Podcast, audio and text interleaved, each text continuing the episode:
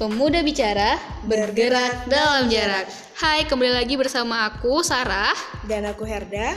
Nah, kali ini di podcast Pemuda Bicara kita akan ngebahas tentang berani berbisnis. berani berbisnis bersama Ko Edi. Hai Ko. Halo. Gimana kok kabar hari ini? Oke, hari ini termasuk hari yang bagus. Banyak berita baik. Wah, bagus. Berita baik apa nih? Hmm, secara bisnis ada yang bayar hutang. gitu. Iya. Ya. Kok eh, sebelum itu mungkin Koko boleh dong perkenalkan di Koko kepada teman bergerak. Oke, eh, nama saya Edi. Saya dari keluarga yang memang sejak kecilnya suka eh, berdagang. Jadi toko kelontong, juga usaha penginapan, jual macam-macam termasuk. Jadi orang tua saya termasuk orang pertama yang memasukkan daging ayam daging ayam beku di Natuna. Yang pertama memasukkan buah seperti apel yang lebih ke western itu ya ke Natuna. Nah jadi sampai sekarang jadi kami sejak kecil terpengaruh bahwa bahwa kita bagusnya adalah punya usaha sendiri gitu. Tapi kayaknya rata-rata orang Cina tuh di sini ini ya berbisnis. Hmm, karena kita sendiri menilai bahwa bekerja itu bagus untuk menambah pengalaman untuk awalnya, tapi bukan jangka panjang. Kadang-kadang kita mikir bahwa orang dengan gaji 2 juta, 3 juta itu cukup tuh hebat banget, mereka bisa manage dengan baik. Tapi yang bisa mereka berikan kepada keluarganya mungkin terbatas. Ruang geraknya bisa terbatas. Contohnya saya mau saya dengan gaji segitu, apabila saya konsumtif, saya tidak punya lagi uang untuk um, planning untuk masa depan. Contoh nih gaji saya 3 juta, saya pakai untuk cicil motor, beli ini itu yang belum begitu perlu, yang belum menjadi kebutuhan. Sehingga uang yang harusnya untuk masa depan dipakai untuk masa sekarang. Nah jadi kalau saya itu harus bisa melawan uh, hasrat yang konsumtif. Tapi memang kebanyakan eh, orang-orang Indonesia tuh jiwa-jiwa konsumtifnya tuh tinggi sekali. Justru itu yang menjadi menjadi uh, kita sasaran empuk bagi perusahaan-perusahaan luar kayak mau kayak contoh contoh nih iPhone atau HP apa HP apa pun mobil segala gadget game semua lakunya di Indonesia karena ketahuan orang Indonesia itu kadang itu habis habis habis Hmm. Em, kok, Koko melihat ada peluang nggak sih peluang apa aja yang ada di Natuna peluang bisnis? peluang bisnis Natuna itu sebenarnya banyak saya pribadi dulu masih belum begitu jeli untuk uh, melihat peluang itu tapi setelah beberapa kawan saya mengata- mengatakan bahwa Edi kamu nggak usah ke Jakarta deh. Natuna masih banyak peluang lagi. Toh kami orang Jakarta aja ke Natuna loh. Kok kamu mau keluar? Ya jadi Natuna itu peluangnya apa aja? Bisa ikan bisa eh, kelapa bisa macam-macam. Kita bisa mulai dari UKM kita dari UKM dulu untuk mengumpul dana. Jadi saya sekarang pun lagi ada planning untuk membuka dua UKM yang kecil jadi modal rendah resiko rendah. Eh, untuk kita untuk testing kita punya mental ya itu masih memadai. Tidak terlalu besar. Kalau seandainya rugi nih kita masih bisa oke oke ini pelajaran. Tapi sekarang bisnis kita udah modalnya ratusan juta sekali jatuh itu sakit banget. Iya betul. apalagi yang memakai uh, mungkin pakai kur atau memakai uh, pinjaman dari luar. Itu menjadi beban tersendiri apabila jatuh bisnis tersebut Uh, bisnis itu tidak perlu langsung gede. Makanya saya tuh senang melihat anak-anak muda yang mungkin yang sejak SMP SMA sudah memperlihatkan naluri bisnisnya. Dia bisa melipat sesuatu dijual bisa memasak sesuatu dijual. Itu sejak kecil sudah ditempa mental oh bisnis itu begini begini begini. Nanti dia sudah besar oh saya sudah saya sudah mengetahui nih kalau mau ini lubangnya di situ jangan jatuh ke situ. Nah situ ada emas ya ke sana sepungut seperti gitu. Sejauh ini bisnis apa yang udah Koko buat? Eh, saya ya saya pernah berbisnis tahun 2010 ke atas itu saya berbisnis em, nasi kucing. Itu di Bandung. Di Bandung. Kemudian saya waktu di Batam juga tahun 2010 eh, sempat menjadi pengepul rumput laut yang saya kirim saya ekspor ke Malaysia Timur. Dan juga eh, ya hotel berbagai macam ya. Mas- termasuk sekarang itu saya pernah jual makan. Tapi sekarang ke depannya mau bisnis di UKM karena di masa pandemi ini kita menaikkan cost sebesar mungkin Edi tadi sudah beritahu ke pemuda bicara kalau misalnya usaha-usaha Kok Edi itu banyak sekali gitu. Nah, kalau boleh tahu strateginya tuh gimana sih? Strateginya ya maksudnya gimana ya Strategi bisnis yang Kok Edi jalani selama ini bisa sampai sukses sekarang. Oke, em, sebenarnya harus berani pertama kali, ya juga harus berani gagal. Karena saya bisnis juga tidak semua sukses. Saya rumput, rumput laut saya juga lumayan banyak ruginya dan lain-lain juga. Tapi situ saya belajar. Jadi lain kali saya mulai lagi saya gak dari nol, kan dari pengalaman nih. Kedua kalau memang untuk membuat kita punya bisnis lebih nendang, contoh saya kan sebelumnya mengelola The Best Hotel yang di Jemengan jadi hotel saya itu lebih kecil dibanding beberapa hotel yang besar ada di Natuna ini. Jadi kenapa ada tamu yang dari hotel yang besar itu pindah ke tempat saya? Padahal tempat saya kecil, tepi jalan mungkin agak berisik, ya. Tapi kenapa mereka memilih saya? Karena saya bermain di bidang pelayanan. Harga saya tidak lebih murah banding mereka kok. Tapi orang nyari ke saya secara em, eh, service saya. Kenapa? Contoh begini, kita kan kadang-kadang takut sama tamu komplain.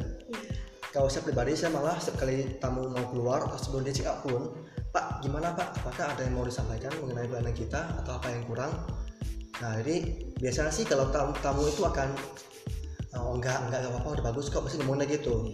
Jadi kita harus jeli mereka mereka ngomong kayak kemarin nih di tangga saya tidak ada pegangan, daral pegangan dia bilang eh saya hampir jatuh, terjatuh loh di tangga tadi karena licin coba ada pegangan nah dia tek ngomong itu doang nah besoknya udah siap barang itu. Saya pun dipuji? Ih awal ini bagus. Saya butuh kurang dari dari 24 jam untuk membuat itu. Kemarin ada tamu juga yang di sini. Dia dia cari, cari lagi cari makanan. Aduh lagi nggak pok mie nih. Pi di hotel udah habis. Dia ngomong gitu. Oh dia sih gak minta sama saya. Mungkin hanya celetuk gitu aja tapi saya minta sama saya punya karyawan tolong berikan pok mie ini saya bayarin aja. Hanya gak seberapa kan. Kirim ke kamar bapak itu nanti dia selalu WA saya pak makasih loh pak ya kok tahu saya mau ini. Tadi kan bapak udah bilang. Ya. Dan kenapa bapak ini bisa mencari saya? Karena saya mengikuti namanya em, teknologi. Banyak orang yang mengenal saya dari Google Map. Dan review-review saya itu sangat bagus. Kenapa saya dapat review bagus? Karena pelayanan saya bagus. Gitu. Menurut Bapak apa sih yang bisa kita dapatkan jika memulai bisnis? yang kita dapatkan? Iya, dari berbisnis kok. Ya pasti kita nyari uang ya. Nyari uang. Secara uang sih kadang rugi kadang untung udah biasa. Cuma yang penting terukur. Yang bisa kita dapatkan ya banyak relasi. Kita bisa mendapatkan banyak eh, pengetahuan oh ini ini oh itu itu. Lalu bagaimana kita bisa menangani ke karyawan yang baik yang buruk? Ya saya tadi sempat ngobrol sama seorang eh, saya ngobrol sama beliau. Ternyata dia adalah CEO-nya uh, Adiwana Resort. Adiwana Resort adalah yang dari operator agen apa, operator hotel dari Bali yang nantinya akan mengelola fasilitas Jubah. Oh, Saya ngobrol sama dia mungkin udah udah sebulan dua bulan. Tadi saya baru tahu lihat story dia dia adalah seorang COO co-foundernya Adiwana Resort di Bali dan punya banyak cabang. Dia adalah orang yang tidak uh, mencicipi bangku kuliah tapi dia bisa menjadi seorang narasumber untuk bidang itu. Jadi dia bilang, ke saya, edukasi itu sangat penting, tapi tidak semua harus dapat di bangku kuliah. Di mana pun, bisa di rumah, bisa dari anak kecil, bisa dari orang tua, semua bisa dapat. Nah, uang sudah, mental sudah, relasi sudah, menangani, menangani karyawan sudah, mungkin bisa membaca peluang-peluang lain. Karena kalau kita bisa membangun relasi yang baik dengan orang lain, kalau dia punya peluang yang, yang bagus dia akan membagi dengan kita eh Edi ini ada loh peluang gini gimana kalau kita bareng? Makanya pentingnya menjaga integritas reputasi. Bisa dilihat kalau di tempat saya itu eh, tamu-tamu saya tamu lokal sangat jarang. Banyak tuh tamu-tamu luar ya. Tamu lokal yang untuk hal-hal yang malam saya tidak ada. Karena tempat saya sangat terang jadi orang mungkin segan. Itu yang saya ingin bangun, bangun ke orang-orang tamu-tamu luar bahwa tam- hotel saya mungkin kecil tapi bukan sembarangan karakter apa aja sih kok yang perlu dipunyain untuk seorang pebisnis? Karena aku tipe yang kayak orang ngutang aku kasih loh Um, iya. Saya sama saya sama kamu sama juga. Kayak saya sejak kecil sudah memberikan hutang ke orang lain karena kita merasa kasihan. Iya. tapi eh, saya per tahun ini mungkin sudah mulai ngerti bahwa meminjam, meminjamkan uang ke teman itu berarti kita membantu teman. Iya. Tapi itu juga bisa berpotensi merusak hubungan. Ya kan? Jadi kalau contoh nih ada kawan saya sama saya pinjam 7 juta bilang besok mau bayar lusa mau bayar sampai tunggu seminggu gak bayar tunggu udah satu tahun masih belum bayar. Jadi saya bilang ke saya saya bilang ke dia bila kamu susah tolong kasih tahu saya. Jangan hindari saya kita masih berkawan. Kalau kamu menghindari saya kita mau kamu susah aku aku segan mau minta sama kamu kamu takut ketemu saya. Gitu loh. Yang penting dari berbisnis adalah berani. Kadang-kadang plan kita oh saya plan saya berbisnis ini proyeksinya modal adalah 5 juta. Saya tiap bulan bisa dapatkan 3 juta. Ini pasti berjalan mulus nih. Tapi pas mau menjalankan mau keluar duit mikirnya seribu kali. Aduh ini rugi gimana ya? Rugi gimana ya? Jadi pertama yang penting adalah berani. Makanya kadang-kadang saya itu suka mengelu- mengeluarkan jurus tepok. Tepok itu apa? The power of kepepet. Oh. itu dari guru saya yang dia kan beliau ada menulis buku The Power of Kepepet Jaya Budi. Jadi kadang-kadang kita mepetkan diri kita dengan eh, risiko-risiko kecil yang terukur. Oke saya, saya mungkin eh, modal ini satu juta saya akan nah proyeksinya mungkin se- se- satu bulan bisa untung 800 ribu atau 500 ribu nah ruginya tidak akan begitu kentara. Kelihatan kalau seandainya rugi ya. Eh, jadi kita kalau udah beli barang udah beli pancinya kualinya gasnya segala bahan-bahannya kita agak mulai kita rugi. Iya betul. wah udah tanggung nih udah keluar duit masa gak aku jalankan? Kadang-kadang harus gitu. Memang itu tidak menjamin sukses tapi minimal kita punya mentalnya udah ada. Oh bisnis gini caranya soalnya kalau saya pribadi merasa bis- bisnis itu sebuah seni. Bisa. ya kadang-kadang kita gimana menangani tamu yang yang unreasonable. Mengenang- menangani karyawan yang sakit. Tiba-tiba bilang oh saya nggak bisa saya gini saya gitu. Jadi kita harus menanganinya. Mau ngomong kita turun sendiri untuk awalnya. Jadi kita harus tahu sedikit-sedikit mengenai kerjaan kita. Tapi tidak perlu sampai mendetail. Karena ada tim yang bisa kita andalkan pilihlah tim yang benar jangan tim yang nggak benar malah bikin kita jadi Pusing. Pusing. Nah, sekarang kan eh, lagi musim pandemi nih, hmm, Gimana sih eh, berbisnis di dalam pandemi? bisnis pandemi ya Iya. pandemi em, justru di masa pandemi ini saya membuka mata saya terhadap bisnis UKM bisnis hotel kan besar di biaya biaya be- eh, besar di biaya kayak ongkos karya eh, biaya upah karyawan listrik air segala macamnya. Itu menjadi beban tersendiri. Jadi kalau UKM kita awal-awalnya kita bisa jalan sendiri. Kita juga bisa pas udah seminggu udah udah lihat trennya cara kerja gimana bisa upah karyawan.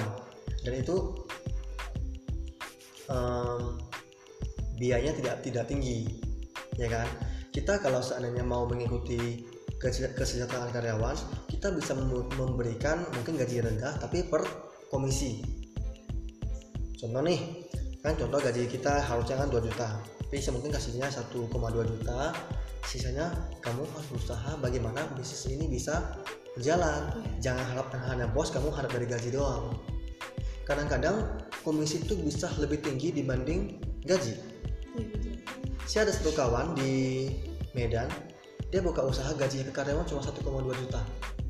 Tapi mereka sales barang-barang industri ya. Gaji dia dia ada, ada waktu itu ada 7 sales. Sales paling kecil komisinya 100 juta. Berapa kok? 100 juta. 100 juta coy. tapi gaji itu juga seberapa? Gajinya cuma seupres doang. jadi masa pandemi ini kesempatan terbaik untuk membuka usaha-usaha kecil. Coba ah, kalian lihat ya perhatikan nggak bawah sekarang yang menjual kayak boba tuh banyak Iya. kafe itu menjamur kayak jual-jual makan online itu udah banyak. Itu semuanya modalnya bisa se- kita tekan sebenarnya mungkin apalagi online. Kita contoh nih saya mau jual em, uh, dessert contoh nih. Mungkin kalau saya bikin seperti saya bisnis konvensional saya bikin 100 tidak mesti laku pada hari itu. Iya. tapi kalau kita bikin open PO siapa mau uh, ini nih dessert ini saya hari Rabu mau bikin. Nah orang pesan penutupan hari Selasa.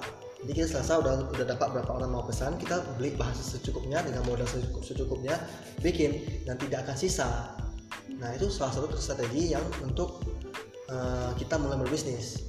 Jadi dibikin sesuai pesanan. pesanan. Jadi kita tidak perlu habis modal banyak akan uh, tak terpak tak terjual sia-sia.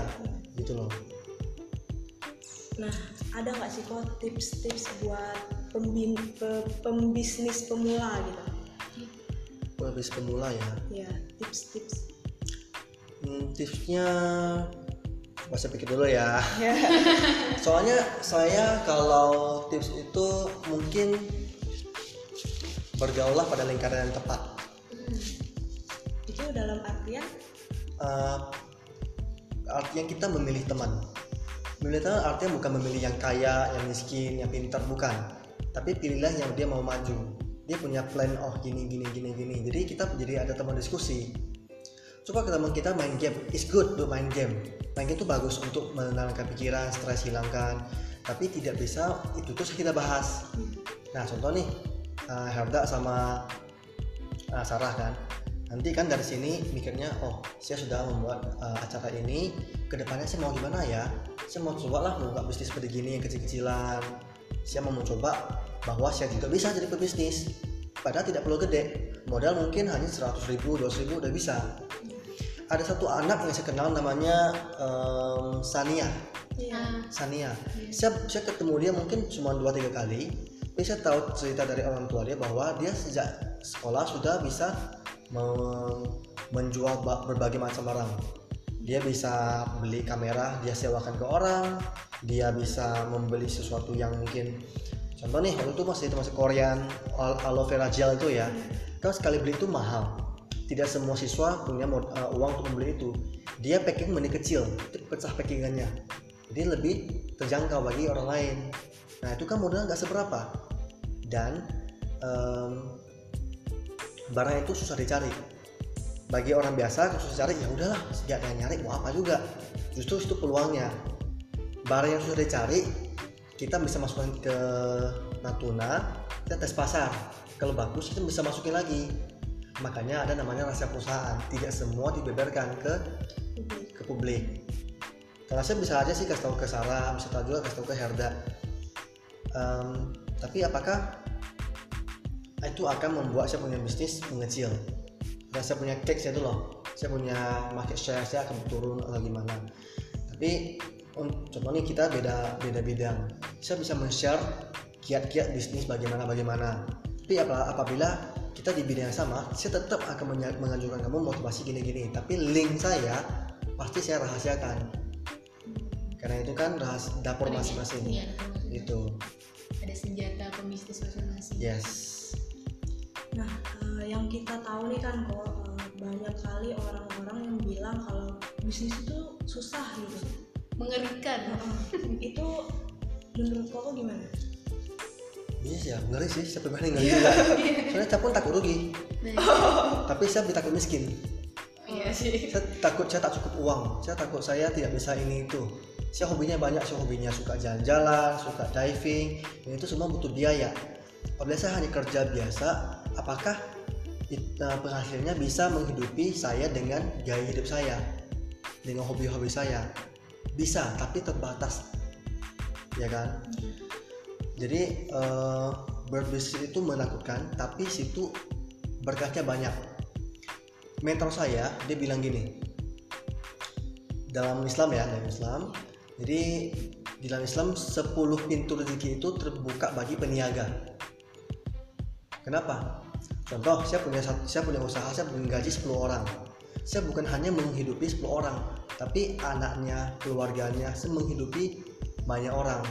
Makanya kalau dalam bahasa mentor saya Tuhan memberikan rezeki ke banyak pengusaha termasuk panutan kawan-kawan Islam kan Nabi Muhammad. Kerjaannya Berniaga. berniaga. Tapi ya tapi sih intinya bergaul sama orang yang tepat sih bergaul sama orang yang itu itu jadi poin penting ya? Paling penting. Eh, kayak saya banyak kawan-kawan itu mereka suka bergaul sama orang tua. Itu benar. Itu secara diet untuk pola pikirnya bisa mengubah sejak kita kecil. Ada juga yang suka ber- bergumul dengan orang-orang kayak seumur dia itu bagus juga karena orang tua ada experience-nya pengalamannya. Anak muda dia punya teknologinya. Saya punya saudara dia itu eh, suka banget berusaha tapi selalu gagal. Suka main figurin gagal bisnisnya. Jual jus gagal bisnisnya. Jual pulsa gagal. Buka eh, pencucian mobil gagal. Eh, apalagi ya? Buka perabotan gagal. Buka laundry patungan sama kawan sukses. Tapi ke depannya ada masalah sama partner pecah kongsi. Nah setelah itu dia bisa sewakan mobil dia dapat modal kan mobil. Sewa sewa dia antarnya ribet. Terus suatu hari adiknya menjual baju. Online shop dia penasaran online itu gimana sih? Nah dia cek oh, dia belajar cuma menjualnya. Dia menjual tas. Waktu itu di Batam masih trennya tas-tas KW gitu kan. Nah jadi dia contoh nih dia mengambil sama supplier harganya 11.000 dia bisa menjual 250.000 ke orang lain. Dia menjalankan untuk tahun pertama itu stabil karena pemain masih sedikit. Tahun kedua pemain sudah mulai banyak jadi eh, om kami ngomong ke dia hei kamu masih ambil semua orang? Iya. Oh iya om. Gini aja kamu kamu ada uang 3 juta. Bagi saudara saya itu 3 juta itu gede. Tapi kalau bilang nggak ada malu. Bilang ada macam hapus pusing nih nyari ini. Ujungnya dia bilang ada. Oke ada kan? Minggu depan sama saya ke Cina. Langsung diajak ke Cina. Lalu dia jual mobil dia dua, dua, dua biji dapat modal lah. Dia kirim dia ke top dia ke Cina hanya ditunjukin sama om. Eh tuh di daerah situ ada yang jual tas banyak-banyak. Kau cek sendiri aja. Hanya sebegitu. Dia nyari sebulan kemudian barangnya sampai ke Batam. Dan 80% rusak. Pusing dong. Jadi caranya adalah dia menjual murah menjual murah. Tekor gak apa-apa yang penting jual murah. Ini jangan sampai numpuk gak guna. Situ dia memikir oh, berhati-hati. Itu pentingnya pengalaman. Berhati-hati dia ke sini lagi cek, cek cari uh, supaya yang benar pabrik yang benar. Bisa mengirimkan uh, barang ke tempat dia barangnya terjamin baik ya kan? Lalu dia menggunakan sistem strategi dia ya seperti untuk on, grup online grup uh, BlackBerry waktu itu BlackBerry. Lalu uh, dia mulai mengatur strategi kok orang punya itu kurang laku kok ini laku ini nggak laku ya? Dia perhatikan penjual kok ada yang penjualan tinggi ada yang rendah ternyata di mana di foto. Dia belajar teknik fotografi. Dia beli kamera belajar beli lampu segala macamnya foto-foto hasilnya bagus orang tertarik. Ya kan? Karena manusia itu makhluk makhluk visual. Ketika bagus wah pengen nih pengen nih. Lagi Indonesia. Nah jadi waktu itu dia yang hanya mulai 300, 300 juta sekarang dia sudah pindah ke Jakarta. Dia sudah bikin merek dia sendiri. Penghasilan dia sebulan hampir se M gitu saya pribadi uh, dulu kuliah ke Singapura. Mindset yang ditanamkan oleh pemerintah di situ oleh kuliahan adalah ayo bekerja, uh, uh, belajar yang benar dapat nilai tinggi kita melamar kerja lebih bagus lebih mudah. Gaji di situ sekitar 1.800 untuk fresh graduate yang baru lulus dari kuliah. Sedangkan investasi saya untuk kuliah sana tinggal sana segala macam udah 60.000 dolar 1.800 kita anggap 2000 deh. Saya harus habisin uang ke transportasi sewa kos macam-macam saya habis 1000 dolar lebih. Sisa 800 itu saya hemat. Saya mungkin nggak hidup uh, private saya kan. Jadi menurut saya kuliah di Singapura bagus untuk mendapat wawasan relasi. Tapi tidak benar untuk kerja sama orang. Udah lebih banyak uang. Kalau aku belajar tak perlu pintar-pintar banget Iya. waktu kita semua habis belajar belajar belajar ke, ke ilmu tersebut. Tapi kita tidak ada waktu untuk em, mengasah potensi kita yang lain. Contoh nih saya jago berbisnis saya jago eh, kerjaan tangan saya jago memasak itu semua kita bisa olah. Orang yang kalau memang fokusnya menjadi akademisi atau, atau orang riset oke lah belajarnya yang yang yang mendalam. Tapi kita ingin berwarna. Tidak hanya hidup kita dari akademisi juga ingin jalan-jalan dong. Iya. juga ingin beli, beli iPhone 12 Belajar. dong. Iya ya kan? Belajar penting tapi tidak serta merta belajar itu harus di kuliah. Tidak harus serta merta harus di em, di les atau semua sesuatu yang baru menggunakan jasa pendidikan formal. Tidak harus. Nah saya di Bandung saya setelah dari Singapura saya pindah ke Bandung karena saya melihat adik saya itu setelah kuliah dari tempat ini dari satu eh, institusi namanya YEA Young Entrepreneur Academy.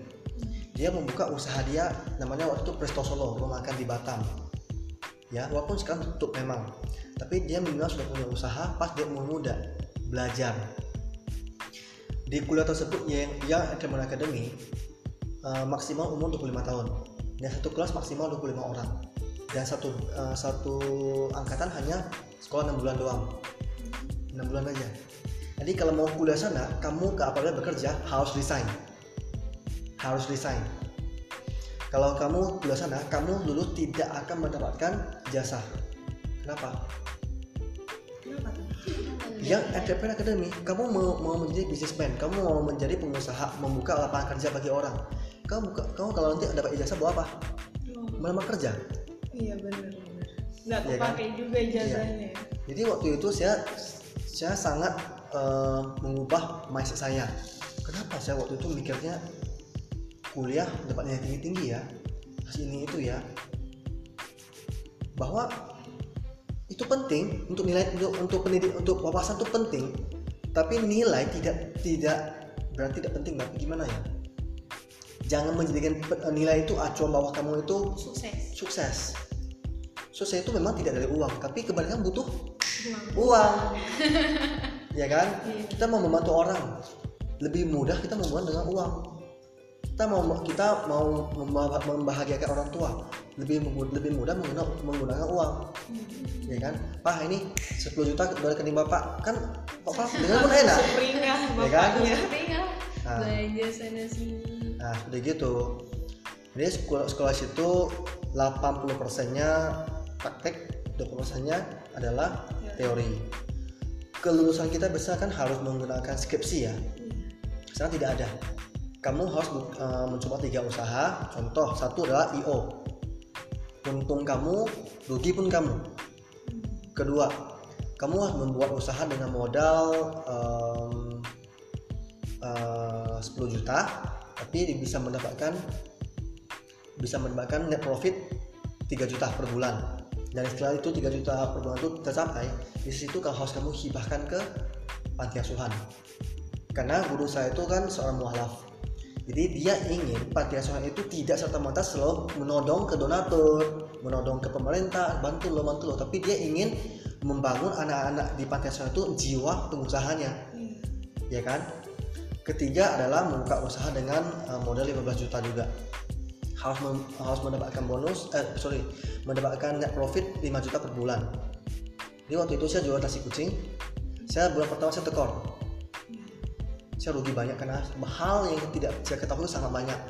Satu bulan berlewat uh, berlalu saya tanya sama saya punya mentor ini gimana ini gimana? Nah itu tuh pentingnya mentor menunjukkan jalan yang benar jalan yang salah. Ya kan? Kita diajarin oh gini saya hanya butuh sebulan tek satu bulan lagi tek, udah bisa untung per bulan 8 juta. Itu. Jadi mentor itu penting. Dan kenapa mentor saya ingin menumbuhkan eh, jumlah pengusaha di Indonesia? Ada sebuah survei bahwa apabila 2% minimal kalau nggak salah ya 2% atau 5% saya lupa dari jumlah penduduk negaranya adalah pengusaha maka negara itu akan makmur. Singapura? Dua atau lima saya lupa. Singapura tinggi cuma di Singapura untuk berbisnis itu sangat ribet. Indonesia kan Indonesia ini termasuk sangat memudahkan pengusaha UKM mungkin izinnya kita tidak perlu terlalu berat. Mungkin eh, kita tidak perlu em, modal yang gede. Harus kebersihan. Kebersihan itu penting. Tapi bagi orang yang baru mulai yang penting bisa survive. Di situ gimana bisa bertahan kadang-kadang kita em kita tujuan kita mau dapat sebulan 5 juta. Tapi yang pertama kita harapkan adalah kita bisa bertahan dulu. Bertahan setelah itu kita oh, ternyata triknya di sini. Kalau ini, kalau ini kita bisa menekan biaya ini kalau ini kita bisa meningkatkan kualitas ini. Sudah dapat kita baru bisa dapatkan senjata untuk menaikkan kualitas menaikkan profit. Gitu. Kok ini aku punya pertanyaan pribadi nih kok Edi lebih pilih kehilangan customer atau rugi? Hmm, rugi lah. Kenapa? Customer itu asal kita bisa mengimpress dia eh, dia itu akan membawa ke kita relasi lagi. Mungkin tidak mungkin dia tidak akan balik sini lagi setelah dapat customer. Tapi dia punya oh itu loh ada Edi bagus banget eh, tempatnya pelayanannya bagus. Saya sempat per- pernah dapat tamu seperti itu. Dulu dari eh, sebuah perusahaan dari UG, eh, vendornya UGM oke dia dia datang sebulan kemudian dia merekomendasikan saya ke hotel saya ke orang lain lagi. Dia datang ke tempat saya lagi. Saya memang bisa rugi tapi ruginya tidak permanen. Oh iya. Saya bisa rugi hari ini saya bisa untung bisa untung besok hari. Ya kan? Tapi relasi itu penting maka butuh reputasi relasi integritas. Jangan pernah mau untung orang kita kan cuma melihat untung di depan mata tapi gak, yang di belakang lebih gede itu gak kelihatan. Iya. ya kan? Aku bisa rugi 5 juta. It's okay. Tapi nama saya baik. Saya menganggap saya itu sebagai sebuah hotel yang mempunyai pelayanan kelas. Oke? Orang akan tahu. Datang terus datang terus ke tempat saya. Tempat saya yang biasa. Dari re- relasi saya pernah mendapatkan Anji hotel saya. Hmm.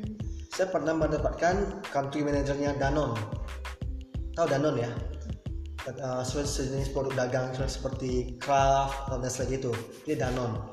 Country manajernya pernah tinggal di tempat saya.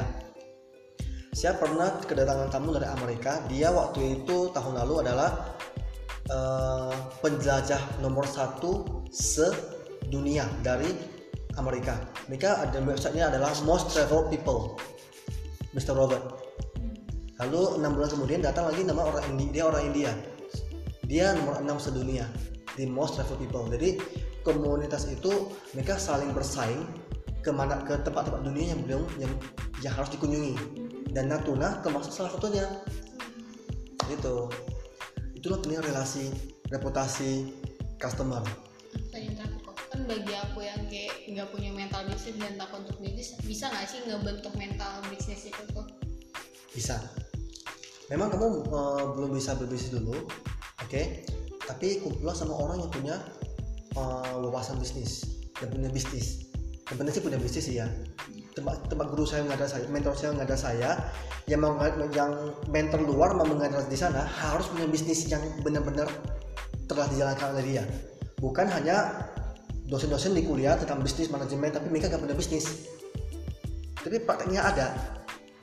Contoh kamu kalau mau muda nih ada orang bilang sama saya aduh saya gak punya modal nih mau buka usaha. Ibu-ibu. Saya bilang saya tanya sama beliau bu ibu tinggal di mana oh di rumah itu. Ada teras gak ada. Luas. Tak terlalu lah. Ada. Kenapa? Nah ibu kalau gak ada modal ibu di rumah ada panci gak ada. Ada piring? Ada. Kompor? Ada. Meja? Ada. Piring kayak sendok semua ada. Oke. Mulai hari ini ibu pindahkan meja ibu kompor ibu kursi itu semua ke, ke teras rumah. Oke makan di situ. Mau pagi siang malam makan di situ. Lalu kalau ada kotak indomie yang luar nggak pakai minta. Pajang di situ. Jadi orang akan lewat. Oh kebetulan lapar nih ini. Bang ada jual indomie? Ada. Jadi bisnis jadi nggak perlu pakai modal. Ya kan? Nah kawan-kawan yang eh, mungkin muda bisa coba menjual pulsa contohnya di Natuna sudah ada beberapa tempat yang buka eh, pulsa multi itu modelnya mungkin bisa 50.000 ribu bisa 100.000 ribu nanti ada kalau ada kawan-kawan mau jual contohnya nih 100.000 ribu modal kamu 10.000 ribu mungkin 10.500 kamu jual ke orang kan 13.000 ribu atau 12.000 ribu ya Iya. Nah, itu sudah untung kecil. Nah, kita melatih un- jangan lihat untungnya, tapi melihat kamu sudah mencapai sebuah mental berani mencoba. Coba bisnis. Seneng loh kalau bisnis kalau apalagi lah untung. Apalagi kalau gede. aku ngerasain sih hal itu karena eh, sekarang juga aku eh, jualan-jualan kayak gitu online shop terus buka jasa tulis sama buka dapur juga Nah, Ah, kalau sudah berjalan udah jalan berapa lama Kalau untuk online shop sih baru dari awal tahun. Hmm. Kalau jasa tulis itu baru ada jalan sekitar empat bulanan lah. Hmm. Sama kayak dapur juga baru sekitar empat bulan. Tuh, kamu sudah punya jiwa bisnis. Nah, nyuruhnya, oh ini bisa mendatangkan uang lebih lagi nih. Jadi kamu, kita kalau orang pebisnis yang mungkin UKM ya, kita tidak akan pusing sama namanya gaji UMR, UMK, karena kita sudah bisa membiayai hidup orang lain. Untuk kalau kita UM, UMK kan kita punya, sorry, UMKM kan modalnya rendah, untungnya bisa banyak banget. Oke, kita sudah mendapatkan untung, kita potong gaji, apa sorry, potong biaya-biaya, dapat untung. Kita selebihnya itu kalau kita merasa senang sama kinerja karyawan kita, nih 200 ribu buat kamu, kamu udah kerja bagus. Orang pun senang, ya kan? Lagi kalau bisa mencapai untung sebu- eh, sejuta sebulan menjadi 2 juta dan 5 juta senangnya sen- minta ampun karena ada perkembangan Sekarang juga berasa sih kayak perkembangannya karena sekarang juga udah nggak minta jajan lagi Yes. gitu kan. Karena juga sekarang kan lagi musim-musimnya online kan Hmm, jadi iya. eh, kayak beban juga sama orang tua minta paket terus gitu. Jadi kayak cobalah gitu coba-coba aja awalnya gitu. Ya rasanya gimana?